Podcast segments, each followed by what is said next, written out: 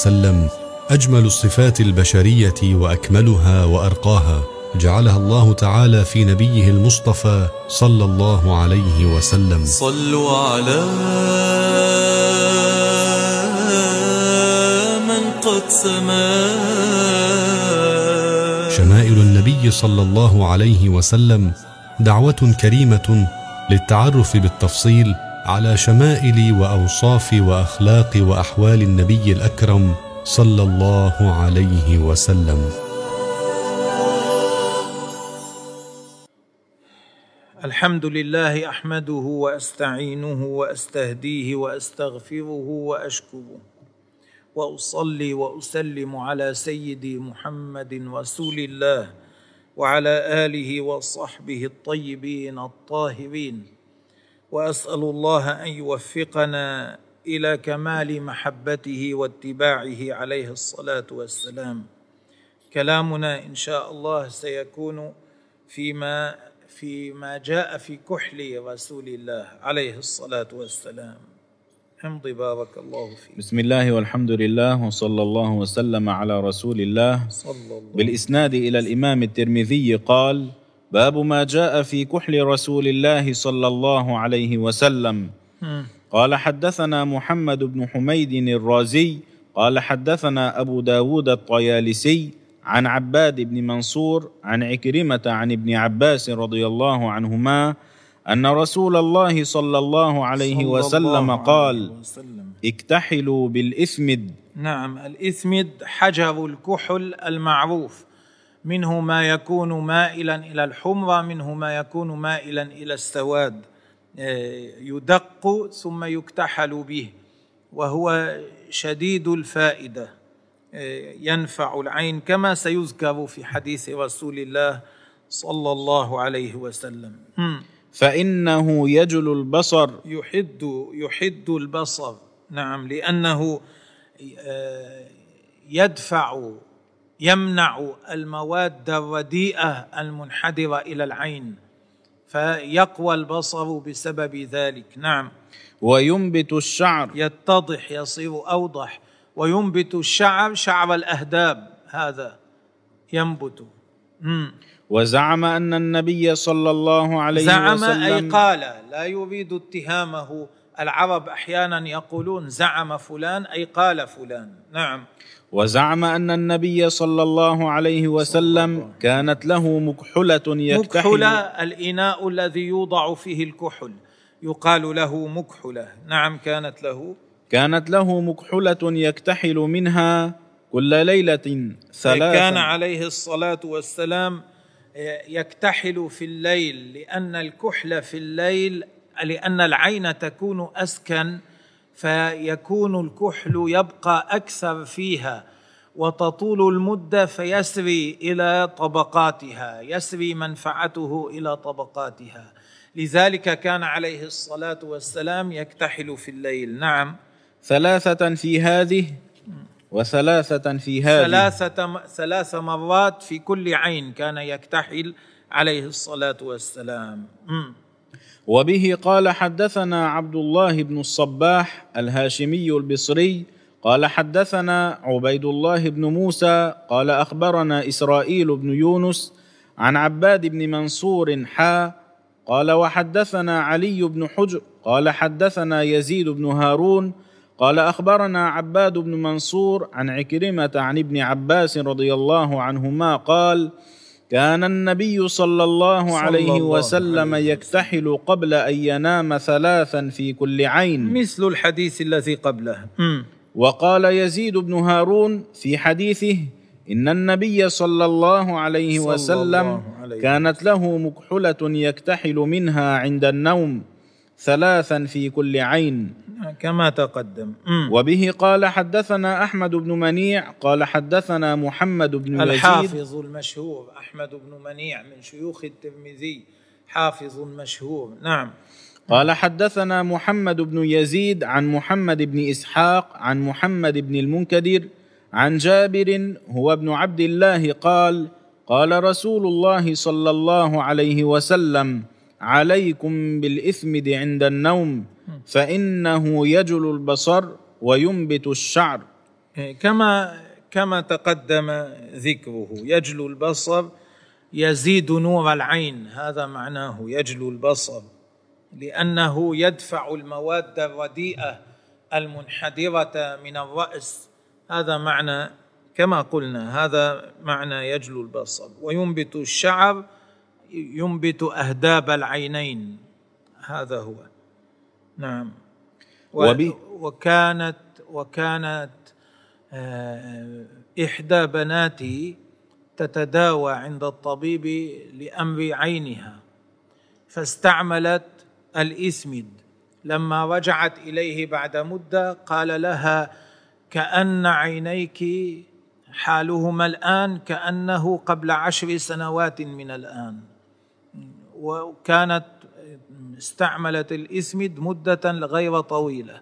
وهكذا أناس كثيرون لما استعملوا الاسمد قوي بصرهم وذهب ما كان فيه من الضعف. نعم. وبه قال حدثنا قتيبة بن سعيد قال حدثنا بشر بن المفضل عن عبد الله بن عثمان بن خثيم عن سعيد بن جبير عن ابن عباس رضي الله عنهما قال قال رسول الله صلى الله, صلى عليه, الله وسلم عليه وسلم. إن خير أكحالكم الإثمد يجل البصر وينبت الشعر. نعم. وبه قال حدثنا إبراهيم بن المستمر البصري قال حدثنا أبو عاصم عن عثمان بن عبد الملك عن سالم عن ابن عمر أنه قال قال رسول الله صلى الله عليه وسلم عليكم بالاثمد يحث على استعماله عليه الصلاة والسلام. نعم. فإنه يجل البصر وينبت الشعر. روايات مختلفة كلها بمعنى واحد عن ابن عمر وابن عباس وجابر بن عبد الله آه، رضي الله تعالى عنهم بمعنى واحد عن نبي الله صلى الله عليه وسلم. باب ما جاء في لباس رسول الله صلى الله عليه وسلم. هذا الباب معقود لبيان ما الذي كان يلبسه عليه الصلاة والسلام. ماذا كان يلبس؟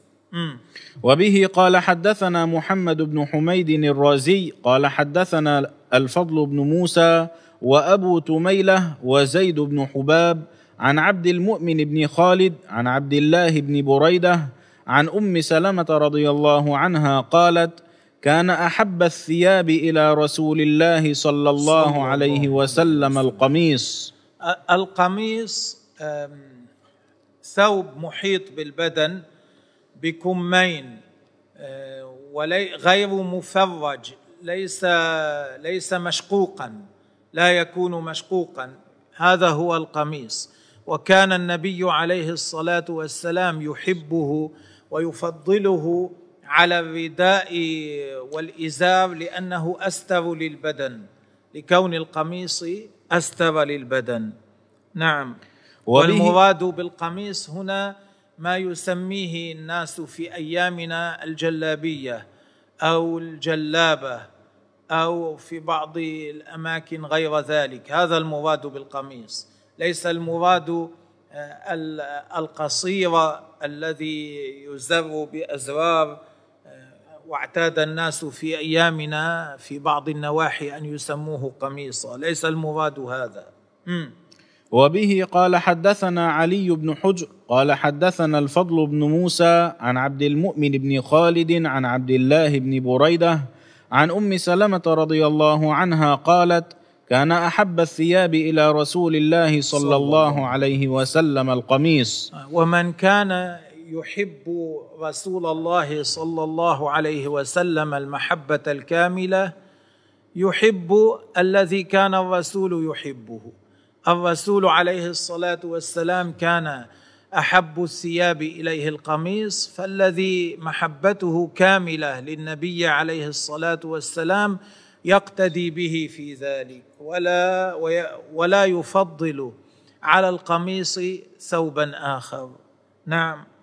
وبه قال حدثنا زياد بن أيوب البغدادي قال حدثنا أبو تميلة عن عبد المؤمن بن خالد عن عبد الله بن بريدة عن أمه عن أم سلمة رضي الله عنها قالت كان أحب الثياب إلى رسول الله صلى الله عليه وسلم يلبسه القميص. نعم.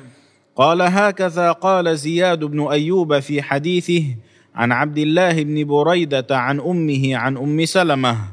وهكذا روى غير واحد عن أبي تميلة مثل رواية زياد بن أيوب. نعم. وأبو تميلة يزيد في هذا الحديث عن أمه وهو أصح. نعم يعني هذا أن يقال عن عبد الله بن بريدة عن أمه عن أم سلمة أصح من أن يقال عن عبد الله بن بريدة عن أم سلمة مع إسقاط ذكر عن أمه. هذا أصح هذا الذي كان يقويه البخاري رحمه الله وغيره كما رواه الترمذي في حديثه هذا.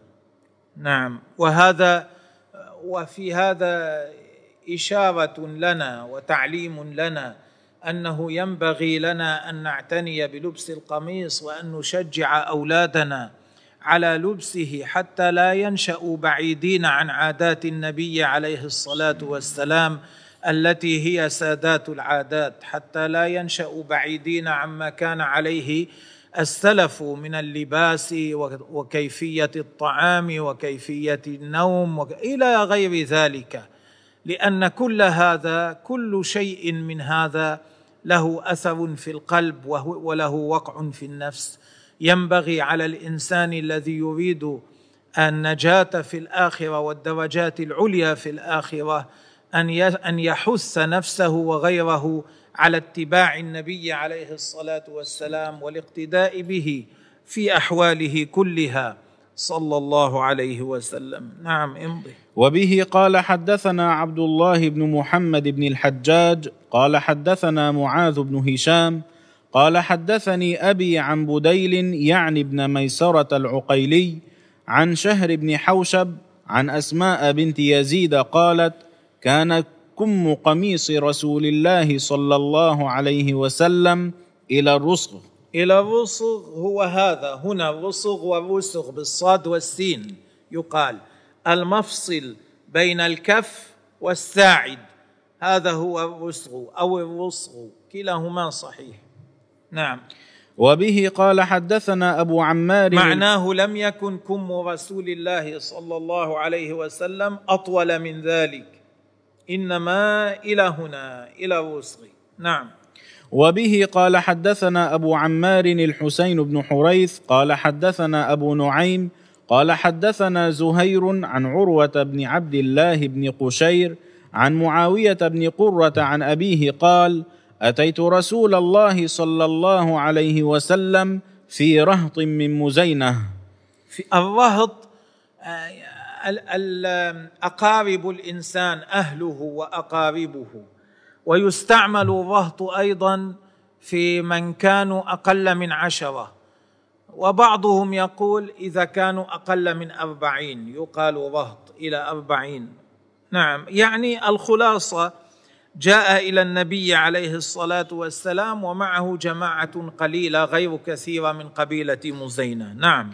لنبايعه. ليبايعوه. مم. وإن قميصه لمطلق. أزرار قميصه مفكوكة. ليست قميصه ليس مزرورا. من هنا مفتوح. نعم. بعض الناس لو رأوا انسانا مفتوح أزرار القميص يعيبون عليه يقولون له أقفلها. والنبي عليه الصلاة والسلام كان يخرج إلى الناس مفتوح أزرار القميص. لا ينبغي أن يعاب هذا. لا أدب فوق أدب رسول الله صلى الله عليه وسلم. نعم. نعم إذا ظن الإنسان أن الناس ينفرون من سماع الحق منه إذا ترك أزرار قميصه مفكوكة يزرها.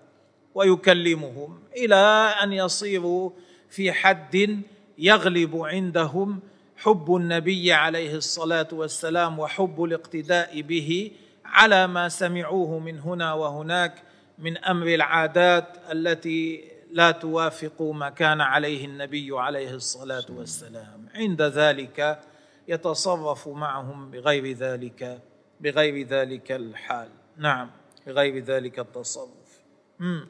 أو قال زر قميصه مطلق. هذا المعنى واحد. نعم. قال فأدخلت يدي في جيب لأنه كان الجيب مفتوحا. هذه الفتحة ما كانت مزورة. تمكن سهل عليه أن يدخل يده ليمس بدن النبي عليه الصلاة والسلام. مم. قال فأدخلت يدي في جيب قميصه. فمسست الخاتم. يعني أدخل يده في جيب قميصه حتى مس أدخل يده في جيب القميص حتى هكذا. أدخل يده في جيب القميص حتى مس الخاتم الذي بين كتفي رسول الله صلى الله عليه وسلم. الله. يتبرك بذلك. وبه قال حدثنا عبد بن حميد قال حدثنا محمد بن الفضل قال حدثنا حماد بن سلمة عن حبيب بن الشهيد عن الحسن عن أنس بن مالك رضي الله عنه أن النبي صلى الله عليه وسلم خرج وهو متكئ على أسامة بن زيد عليه ثوب قطري قد توشح به. متكئ على أسامة بن زيد عليه ثوب قطري. ثوب قطري معناه منسوب إلى قطر. وأحيانا ينسبون هكذا. يقولون قطري نسبة إلى قطر. أحيانا يفعلون هذا. بدل أن يقولوا قطري الأصل أن يقال قطري لكن العرب يفعلون تخفيفا. يقولون قطري. نسبة إلى قطر وهي ناحية أو بلد في البحرين. في الماضي كانت ناحية البحرين ناحية واسعة كلها تسمى البحرين. اليوم الذي يسمى البحرين جزيرتان صغيرتان وما يسمى دولة قطر أكبر مما يسمى البحرين بأضعاف. اليوم هكذا. في الماضي لم يكن الاصطلاح هكذا.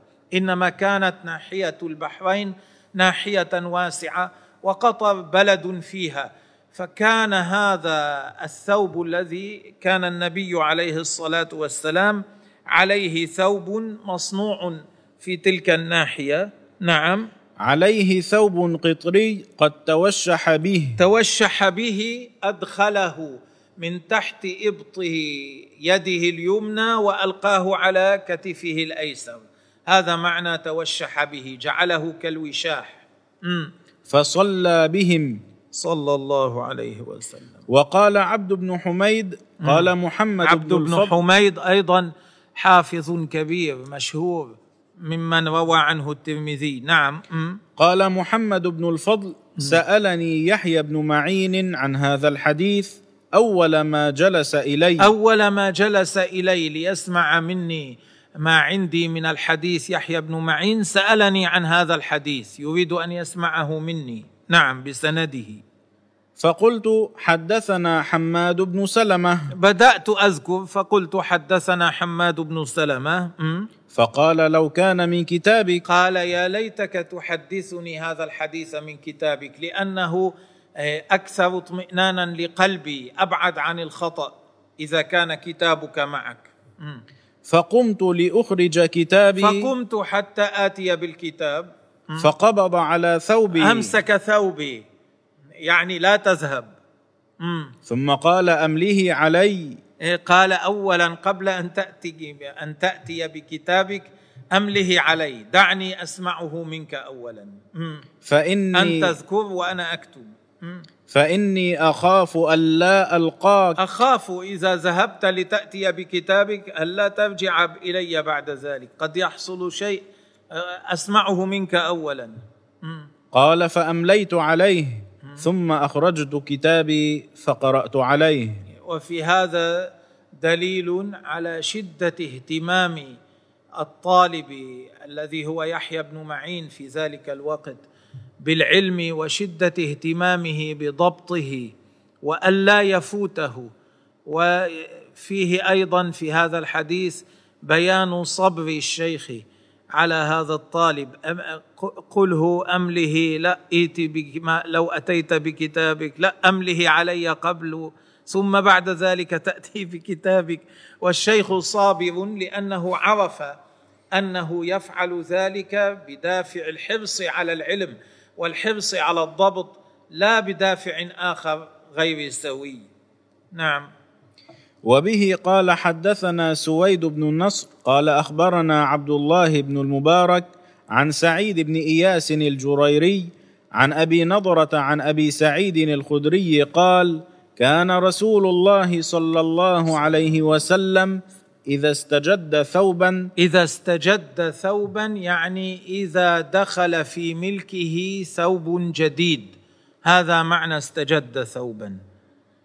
إذا استجد ثوبا نعم. سماه باسمه. يسميه باسمه. عمامة أو قميصا أو رداء.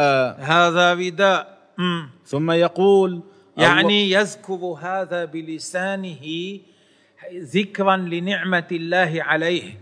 النبي عليه الصلاة والسلام يذكر نعمة الله عليه باللسان كما يذكرها بالقلب. نعم. ثم يقول اللهم لك الحمد كما كسوتني. آه مثلا يأتيه قميص يمسكه يقول قميص اللهم لك الحمد كما كسوتني. يحمد الله عز وجل على أنه جعل له هذا القميص مكنه منه أنعم عليه به. نعم. أسألك خيره. أسألك خيره أسألك ما فيه من الخير. ما في هذا القميص من الخير؟ من من ستر العورة والإعانة على العبادة وما يشبه ذلك ودفع البرد ودفع الحر. نعم. أسألك خيره وخير ما صنع له. وأعوذ بك من شره وشر ما صنع له. وأعوذ بك مما يكون فيه من الشر لأن القميص أحيانا يكون من حرام وأحيانا يكون فيه امور أخرى. ومعنى تعوذ النبي عليه الصلاة والسلام من شره أن أي من الشر الذي قد يكون فيه أحيانا القميص يحصل منه شر يكون القميص حراما يكون نجسا أو يكون سببا في معصية الله تبارك وتعالى. فكان النبي عليه الصلاة والسلام يقول ذلك تواضعا وتعليما لنا. هذا أمر ينبغي أن يقوله الواحد منا إذا استجد ثوبا. أن يسميه باسمه وأن يقول اللهم لك الحمد كما كسوتنيه. اللهم إني أسألك خيره وخير ما صنع له وأعوذ بك من شره وشر ما صنع له. نعم. وبه قال حدثنا هشام بن يونس الكوفي قال حدثنا القاسم بن مالك المزني عن الجريري عن أبي نضرة عن أبي سعيد الخدري عن النبي صلى الله عليه وسلم صلى نحوه. الله عليه وسلم. وبه قال حدثنا محمد بن بشار قال حدثنا معاذ بن هشام قال حدثني أبي عن قتادة عن أنس بن مالك رضي الله عنه قال كان أحب الثياب إلى رسول الله صلى الله عليه صلى الله وسلم. يلبسه الحبرة. أي من أحب الثياب. كان أحب الثياب أي من أحب الثياب. من أحب ما يلبسه النبي عليه الصلاة والسلام الحبرة. والحبرة نوع من برود اليمن. آه، برد يماني يصنع في اليمن يكون فيه خطوط. هذا هذا هو الحبرة. ألوان خطوط ألوان مختلفة. وهذا في في كثير من من البلدان انقطع لبسه قلما يلبسه الناس. وفي بعض البلدان ما زالوا محافظين على ذلك. نعم النبي عليه الصلاة والسلام كان يحب هذا. وبه قال حدثنا محمود بن غيلان قال حدثنا عبد الرزاق قال أخبرنا سفيان الثوري عن عون بن أبي جحيفة عن أبيه قال رأيت رسول الله صلى الله عليه وسلم عليه وسلم. وعليه حلة حمراء يعني مخططة بالحمرة كما سبق أن ذكرنا وقلنا الحلة ثوبان من جنس واحد إزار ورداء من جنس واحد م. كأني أنظر إلى بريق ساقيه يعني بسبب لون الحمرة الذي في هذه الحلة ساقاه ظاهرتان كانت فكان فكانتا تنيران كأنهما تبرقان. صلى الله عليه وسلم. قال سفيان أراه حبرة. أراه كان حبرة يعني مخططا بالأحمر. لم يكن أحمر كل لم يكن كله أحمر إنما كان مخططا بالأحمر. نعم. وبه قال حدثنا علي بن خشرم قال أخبرنا عيسى بن يونس عن إسرائيل عن أبي إسحاق عن البراء بن عازب قال ما رأيت أحدا من الناس أحسن في حلة حمراء من رسول الله صلى الله صلى عليه الله وسلم. عليه وسلم. إن كانت جمته لتضرب قريبا من منكبيه. نعم. وبه قال محدثنا محمد بن بشار قال حدثنا عبد الرحمن بن مهدي قال حدثنا عبيد الله بن إياد وهذا كله مر معنا قبل. وإنما قال سفيان اراه حبره يعني كان مخططا بالحمرة لأنه صح في بعض الأحاديث نهي النبي عليه الصلاة والسلام أن يلبس الرجل المعصفر. المعصفر يعني الذي هو الثوب الذي هو آه، صبغ بالعصفر فصار أحمر كله. لأجل ذلك قال اراه حبرة. يعني أحمر يعني كان فيه خطوط حمرة.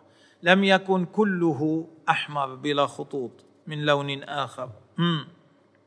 وبه قال حدثنا محمد بن بشار قال حدثنا عبد الرحمن بن مهدي قال حدثنا عبيد الله بن إياد وهو ابن لقيط عن أبيه عن أبي رمثة قال رأيت النبي صلى الله صلى عليه الله وسلم, عليه وسلم. وعليه بردان أخضران. البرد ثوب معروف مخطط يكون مخططا. عليه بردان أخضران يعني عليه بردان فيهما خطوط خضرة. نعم. وبه قال كساء يلتحف به البرد. هذا هو. نعم. وبه قال حدثنا عبد بن كساء حميد. مربع يكون كساء مربعا يلتحف به. لا يكون محيطا بالبدن. هذا هذا معنى كساء. لا يكون ليس كالقميص محيطا بالبدن. نعم. وبه قال حدثنا عبد بن حميد. قال حدثنا عفان بن مسلم. قال حدثنا عبد الله بن حسان العنبري. عن جدتيه دحيبة وعليبة. عن إيه. قيلة قوله عن جدتيه دحيبة وعليبة خطأ وإنما هما صفية ودحيبة ابنتا عليبة. هكذا. نعم. عن قيلة بنت مخرمة قالت رأيت النبي صلى الله عليه وسلم وعليه أسمال ملاءتين. أسمال جمع سمل أي ثوب بالي. الثوب إذا بلي يقال له سمل نعم الثوب الخلق البالي. وعليه أسمال ملاءتين. أسمال ملاءتين. يعني عليه ملاءتان قد بليتا. الملاءة شبه العباءة. كانتا بزعفران وقد نفضتا. نفضتا لونهما. كانتا صبغتا بزعفران وقد نفضتا لونهما يعني ذهب كثير من لونهما. نعم. وفي الحديث قصة طويلة. نعم. وبه قال حدثنا قتيبة بن سعيد قال حدثنا بشر بن المفضل عن عبد الله بن عثمان بن خثيم عن سعيد بن جبير عن ابن عباس رضي الله عنهما قال قال رسول الله صلى الله عليه وسلم عليكم بالبياض من الثياب. البسوا الثياب البيضاء.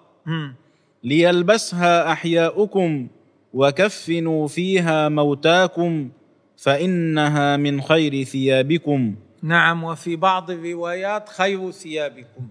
أي أفضل ما يلبسه الإنسان اللون الأبيض من بين الألوان. نعم.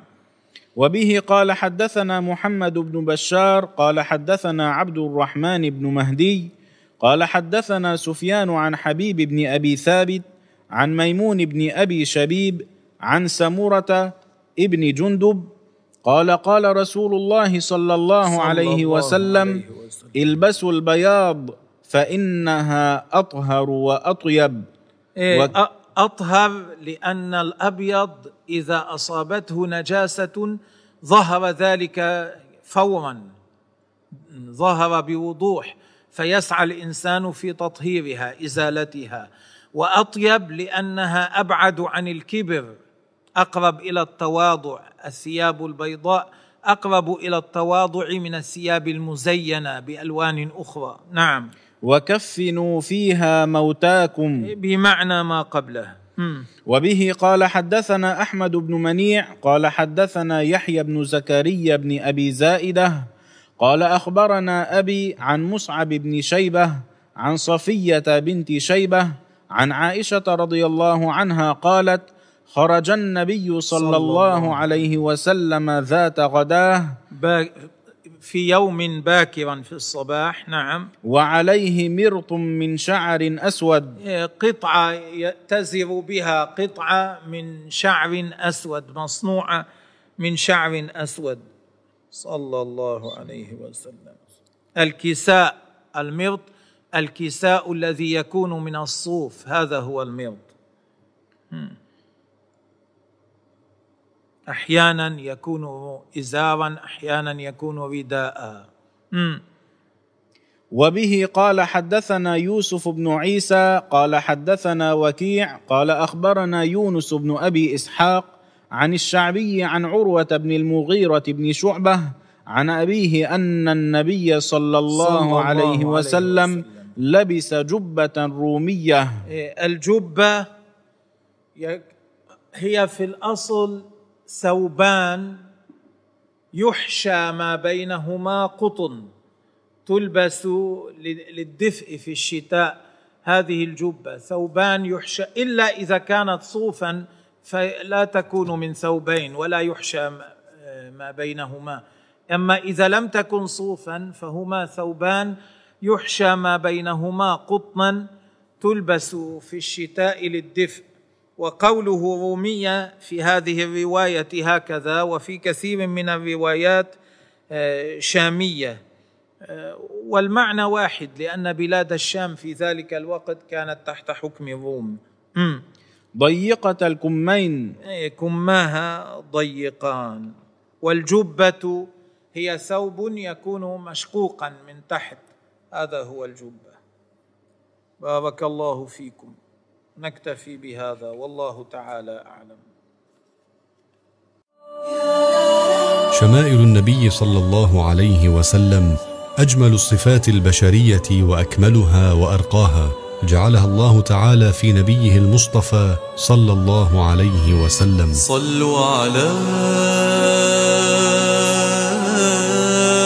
من قد سما شمائل النبي صلى الله عليه وسلم دعوة كريمة للتعرف بالتفصيل على شمائل وأوصاف وأخلاق وأحوال النبي الأكرم صلى الله عليه وسلم.